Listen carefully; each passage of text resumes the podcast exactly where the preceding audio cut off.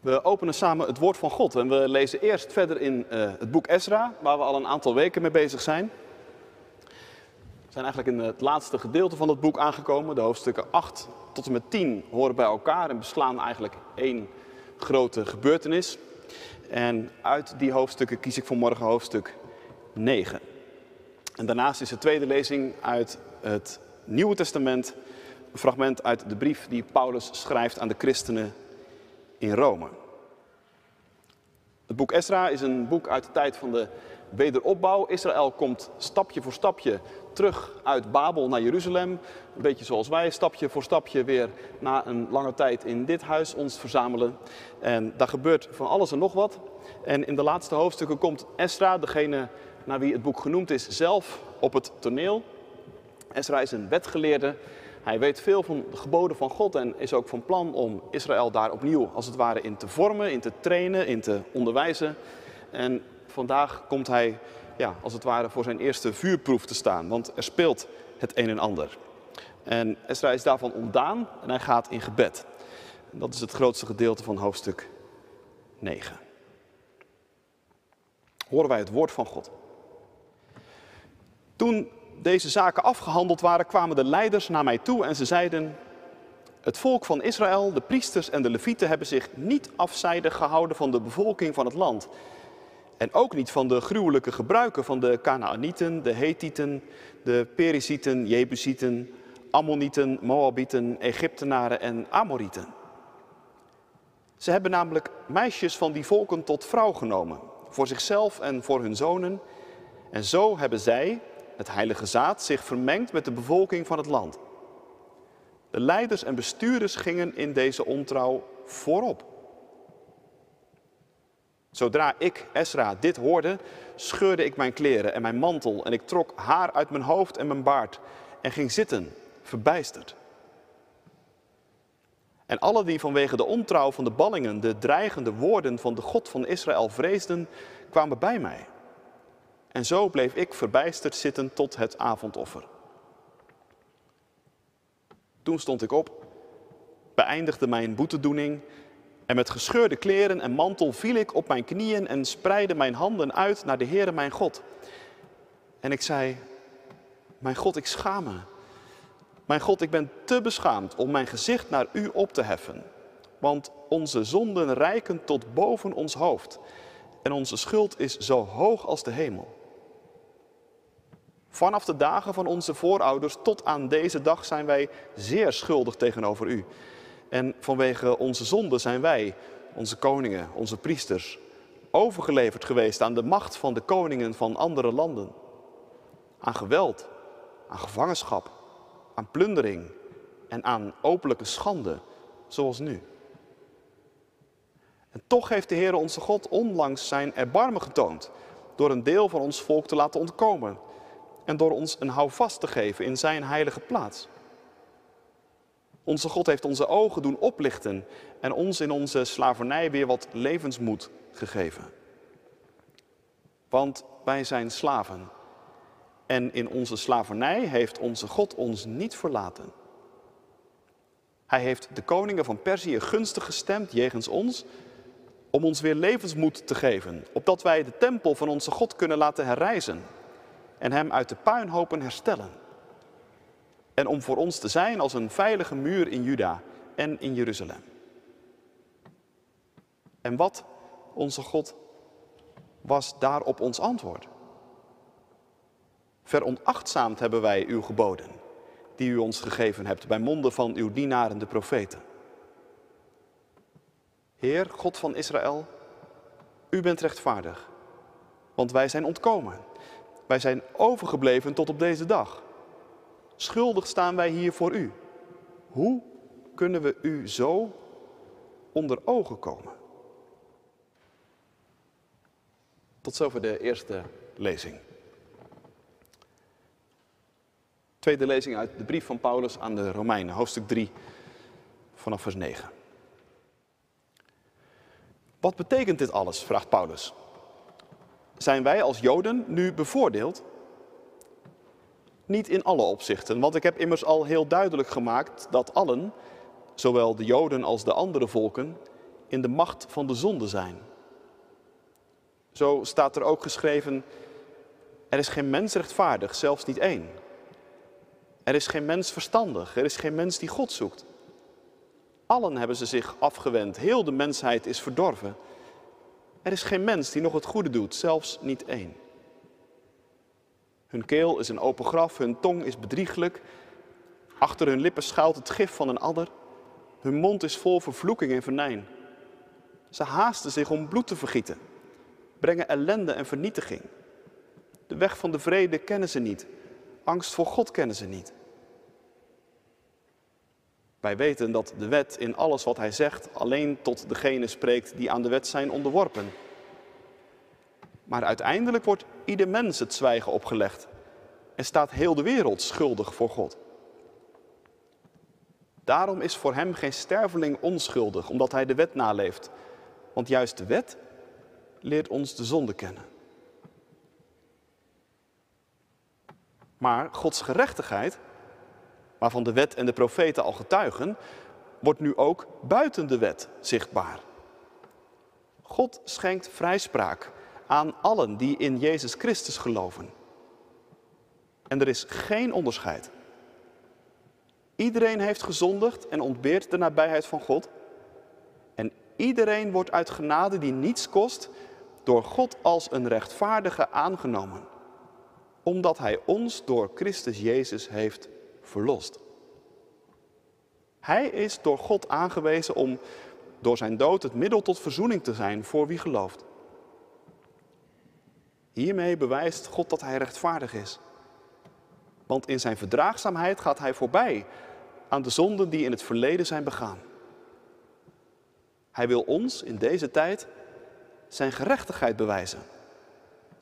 Hij laat ons zien dat Hij rechtvaardig is, door iedereen vrij te spreken die in Jezus gelooft.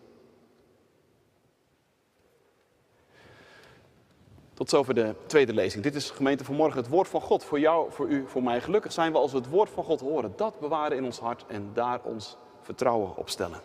Halleluja. Amen. Motto voor de preek is eigenlijk Esra 9, vers 15. De uitroep waarmee is uh, Esra zijn gebed beëindigd. Heer, God van Israël, u bent rechtvaardig, want wij zijn ontkomen. We zijn overgebleven tot op deze dag. Schuldig staan wij hier voor u. Hoe kunnen wij u zo onder ogen komen? Gemeente van Christus, hier in de kerk of thuis. Een paar maanden geleden, midden in de lijdenstijd, verscheen de film A New Gospel. Een nieuw evangelie. Een film over het leven van Jezus. En voor de opnames ging de Zwitserse regisseur Milo Rau naar het stadje Matera in het uiterste zuiden van Italië. Witgepleisterd stadje in een dor landschap. Als je het niet weet, had je zo geloofd dat het Jeruzalem was. Rauw was dan ook niet de eerste die daar een Jezusfilm opnam. Mel Gibson deed het ook in 2002. En al veel eerder in 1964 Pasolini. Maar ook al is het decor hetzelfde, een nieuw gospel is heel anders dan The Passion of the Christ. Matera is namelijk niet alleen maar een schilderachtig stadje. Het is ook een stadje in een gebied waar het wemelt van de Afrikaanse bootvluchtelingen. Mensen die daar in verschrikkelijke omstandigheden wonen en voor hongerloontjes tomaten, sinaasappels en olijven plukken. En in een nieuw gospel wordt uit deze groep mensen de cast gekozen.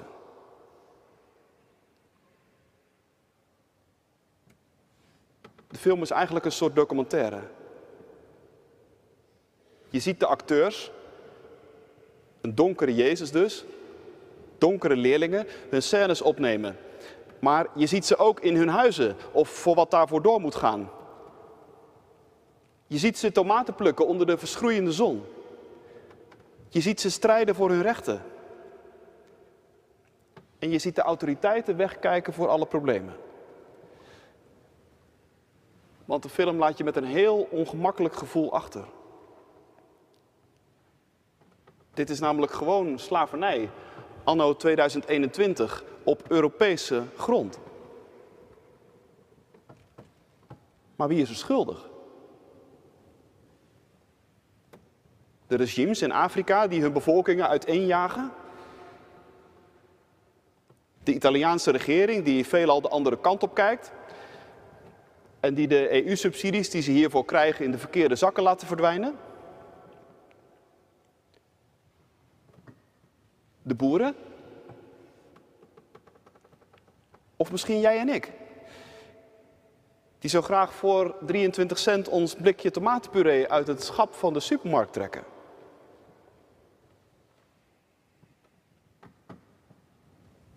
Wie het weet, mag het zeggen. En daarmee zitten we meteen midden in de vragen van Ezra 9. De vragen rondom wat je zou kunnen noemen gemeenschappelijke schuld of collectieve schuld. Dat is in dit hoofdstuk eigenlijk het grootste thema. Even in een paar hoofdlijnen wat er zoal gebeurd is. Ik zei het al, de stad Jeruzalem wordt stukje bij beetje weer opgebouwd. De tempel is inmiddels in gebruik genomen, hoorden we een paar weken geleden.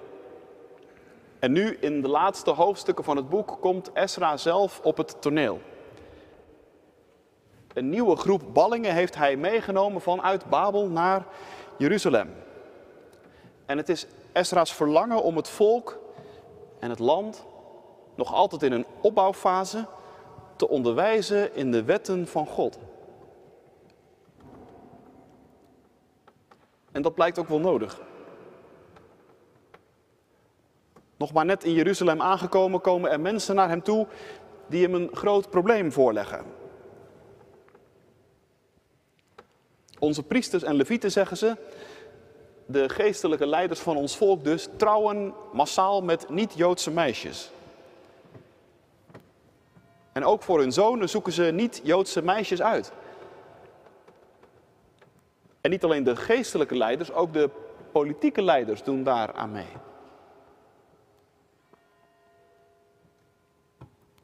Je moet weten, dat was voor Israël verboden. Je kunt dat teruglezen in de Torah. God wilde niet dat zijn volk zich zou vermengen met andere volken. De bedoeling was dat Israël anders zou zijn. Apart. Geheiligd, om het met een Bijbels woord te zeggen. En op dit punt was het al veel vaker en veel eerder misgegaan. Op die manier waren namelijk ook de afgoden het land binnengekomen. En om even een lang verhaal kort te maken, Israël had goed deels haar wegvoering naar de ballingschap hieraan te danken.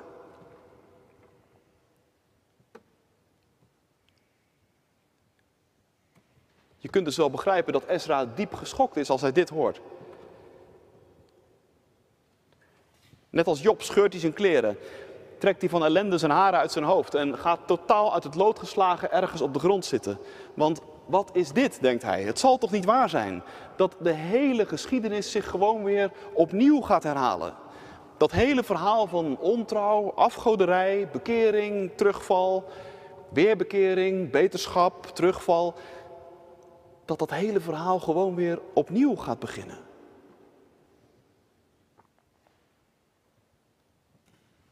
Daar moet Esra dus niet aan denken en daarom, daarom gaat hij in gebed. En dat gebed dat is om allerlei redenen een heel bijzonder gebed. Het meest opvallende is wel dat het een gebed is in de wij-vorm. Mijn God, zegt Ezra, ik ben enorm beschaamd. Ik durf amper mijn ogen naar u op te heffen, want onze zonden zijn ons boven het hoofd gegroeid. Wij dus. En ons. En dat terwijl Ezra ook heel anders had kunnen beginnen. Hij had zichzelf bijvoorbeeld aan dit hele gebeuren helemaal niet schuldig gemaakt. Dus hij had ook heel gemakkelijk kunnen zeggen: Mijn God, ik kom hier voor hun zonde en voor hun schuld. Maar dat doet hij niet. Hij sluit zichzelf in. En niet alleen zichzelf. Het gaat nog verder. Ook het hele voorgeslacht wordt erbij betrokken. Vanaf de dagen van onze voorouders, zegt hij, tot op deze dag zijn wij zeer schuldig tegenover u. Wij als gemeenschap dus, als volk, wij met elkaar.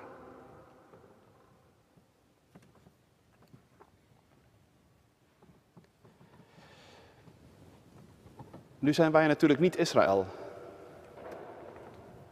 En dat probleem van die zogenaamde gemengde huwelijken is inderdaad ook niet één op één ons probleem. Maar als Esra het heeft over dingen die ons boven het hoofd gegroeid zijn. En over een gemeenschappelijke schuld zo hoog als de hemel. Me dunkt. Daar is juist in onze tijd toch wel iets bij voor te stellen. Worden niet juist wij vandaag vrij hardhandig met onze neus op een heel aantal grote problemen gedrukt, die alles te maken hebben met een gemeenschappelijke schuld?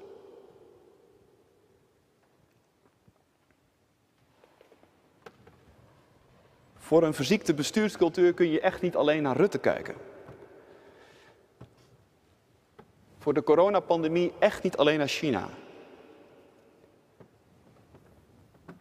En voor de klimaatproblematiek echt niet alleen naar Shell. Om niet meer te noemen, dit zijn stuk voor stuk hele ingewikkelde dingen waarbij het helemaal niet zo duidelijk is wie er nu precies schuld heeft.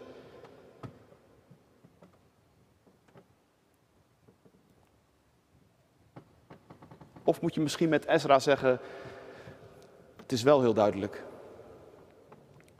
Er is maar één antwoord en dat is wij allemaal. Wij en onze voorvaders.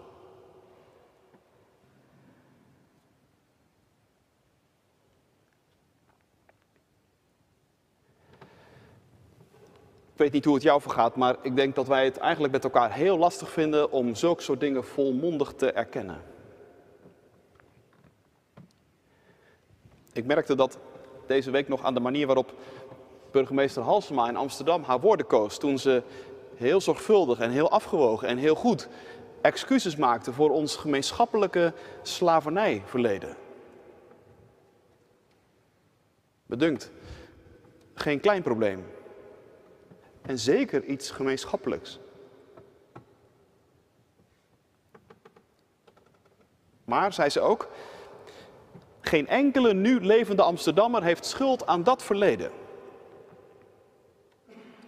Ja, de gemeenteraad wel, zei ze. Maar als ik het goed begreep, bedoelde ze dat dan meer in een soort functionele zin.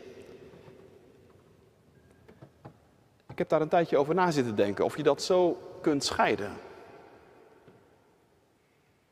ik vraag me toch eerlijk gezegd af of je dat vol kunt houden. Want die regenten en die stadsbestuurders en die VOC-bazen in de 17e eeuw, waren wij dat dan niet? Of misschien maar een paar families? En moeten we de nazaten van de familie Six bijvoorbeeld aanwijzen? Bekende Amsterdamse burgemeestersfamilie. En kan de rest zeggen, zij wel, wij niet?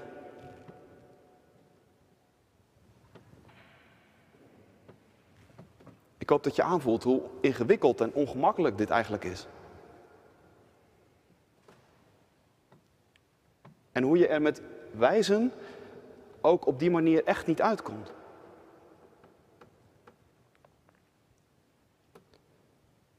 Daarom voel ik steeds meer voor wat Ezra hier doet. Beschaamd zijn hoofd buigen voor God. Voor iedereen en namens iedereen. En dan even geen verzachtende omstandigheden aanvoeren, dat is voor later misschien.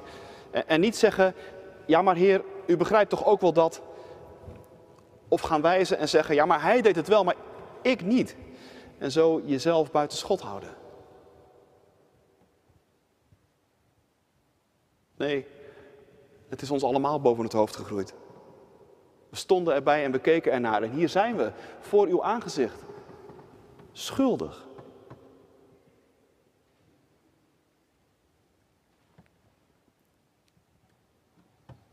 Ik dacht, wat zou er nou veranderen in de gemeente? Als wij meer zo over schuld gaan spreken en denken als Esra hier doet. Meer wij zeggen en ons. En minder ik of hun of zijn of haar.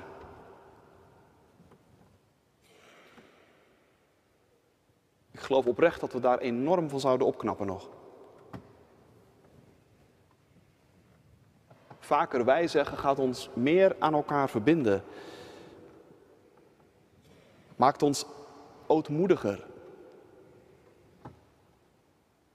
Als één lid leidt, zegt Paulus, leiden alle leden. Dan kun je toch ook zeggen, als één lid schuldig is, zijn alle leden schuldig. En als we in de kerk ons geroepen weten om elkaars lasten te dragen.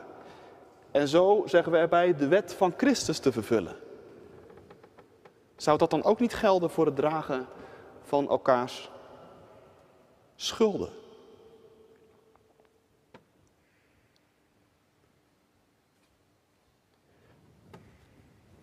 Dat maakt niet alleen ootmoediger,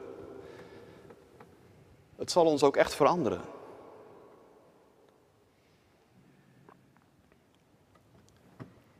Als je bijvoorbeeld bij de reformator Johannes Calvijn leest over schuldbeleiden en over bekering en over wedergeboorte, dan merk je dat hij die woorden, schuldbeleiden, bekering, wedergeboorte, voortdurend door elkaar gebruikt. Die zijn voor hem helemaal inwisselbaar. En dat is een enorm inzicht. Want dat betekent dat als wij met elkaar onze schuld beleiden, dat we dan tegelijk bezig zijn om ons te bekeren. En dat daar de belofte in ligt dat we er ook echt andere mensen van worden. Wedergeboren mensen. Met geen ander doel, zegt Calvijn dan, dan dat het beeld van God in ons hersteld wordt. Hoor je dat? Dat het beeld van God in ons hersteld wordt.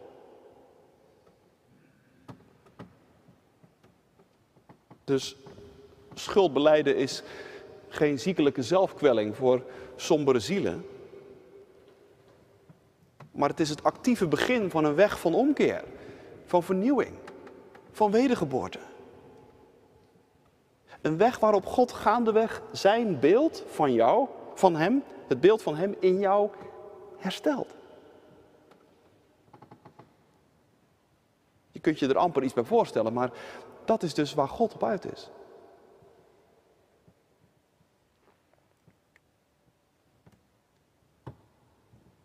Dat is trouwens wel een weg, denk ik, die je hele leven lang duurt. Maar een weg met een belofte dus. Een weg waarop je meer en meer gaat begrijpen wie God is. En meer en meer dichter bij Hem gaat leven.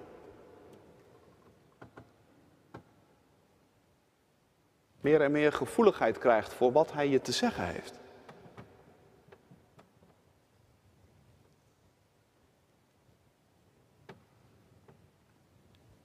En een van de dingen die God je te zeggen heeft, dat zijn die enorme woorden van Paulus in de Romeinenbrief.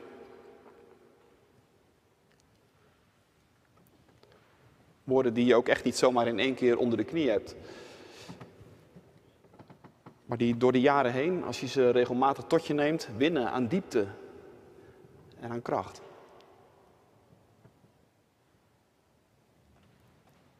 En net als Ezra trekt Paulus het heel breed. Let er maar eens op hoe vaak ook hier woorden vallen als alles en allen en iedereen. Ook bij Paulus geen uitzonderingen, geen excuses, geen verzachtende omstandigheden. Nee, er is werkelijk niemand rechtvaardig, zegt hij. Niemand die God zoekt.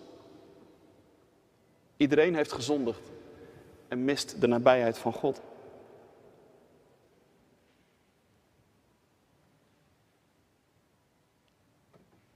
Dat zijn natuurlijk niet de mooiste kwalificaties, laten we eerlijk zijn. Je zou willen dat er iets anders over je gezegd werd. Maar gek genoeg is het ook geweldig bevrijdend.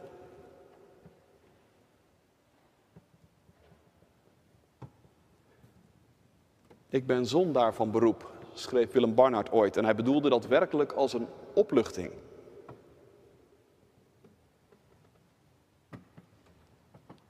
Laten we daarom de kerk koesteren als een plek waar je dat ook zijn mag. Zondaar. Waar je niet anders of meer of beter hoeft te zijn dan dat. Waar je voor God mag komen met je schuld. En met de schuld van een ander. Met de schuld van een vorige generatie misschien wel. Waarvan de gevolgen in jouw leven nog altijd hun sporen trekken.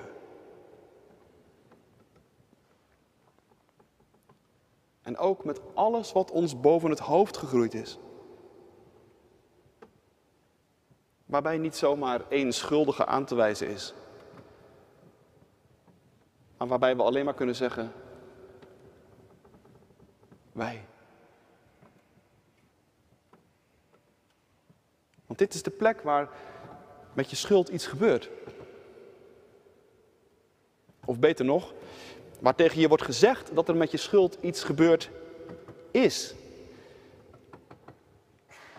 Want net zo breed en net zo allesomvattend als de zonde is, zo breed en allesomvattend is de genade van God.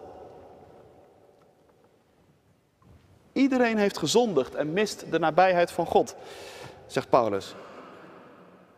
En iedereen wordt uit genade die niets kost, door God als een rechtvaardige aangenomen. Omdat Hij ons door Jezus Christus heeft verlost.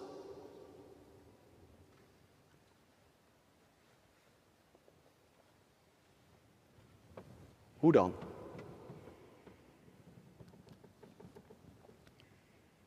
Één keer terug naar Zuid-Italië.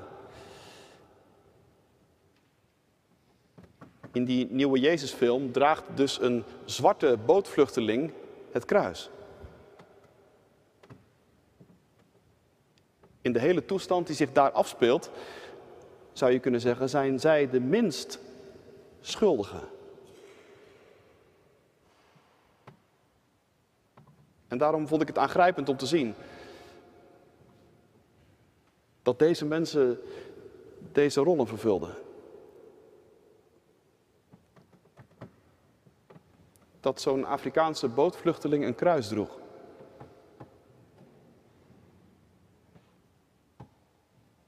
Maar eerlijk is eerlijk, ook Judas en Petrus werden gekast uit dezelfde groep. Dat brengt hij meteen wel weer met beide benen op de grond. Want uiteindelijk moeten wij het niet hebben van wie dan ook maar die een kruis draagt. Ook al is het een Afrikaanse bootvluchteling en houdt hij je daarin zeker een ernstige spiegel voor.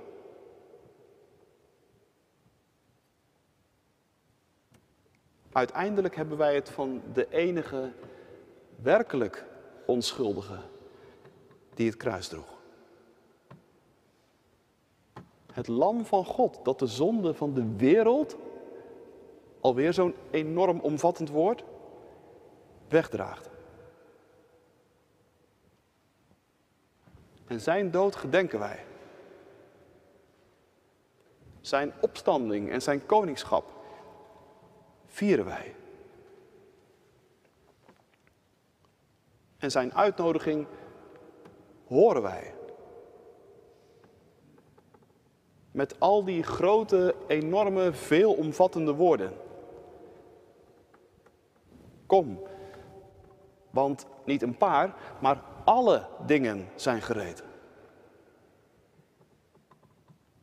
Hier wordt brood, en wijn, brood gebroken en wijn vergoten.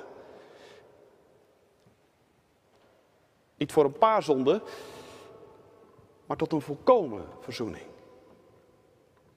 Voor al onze zonden. Amen.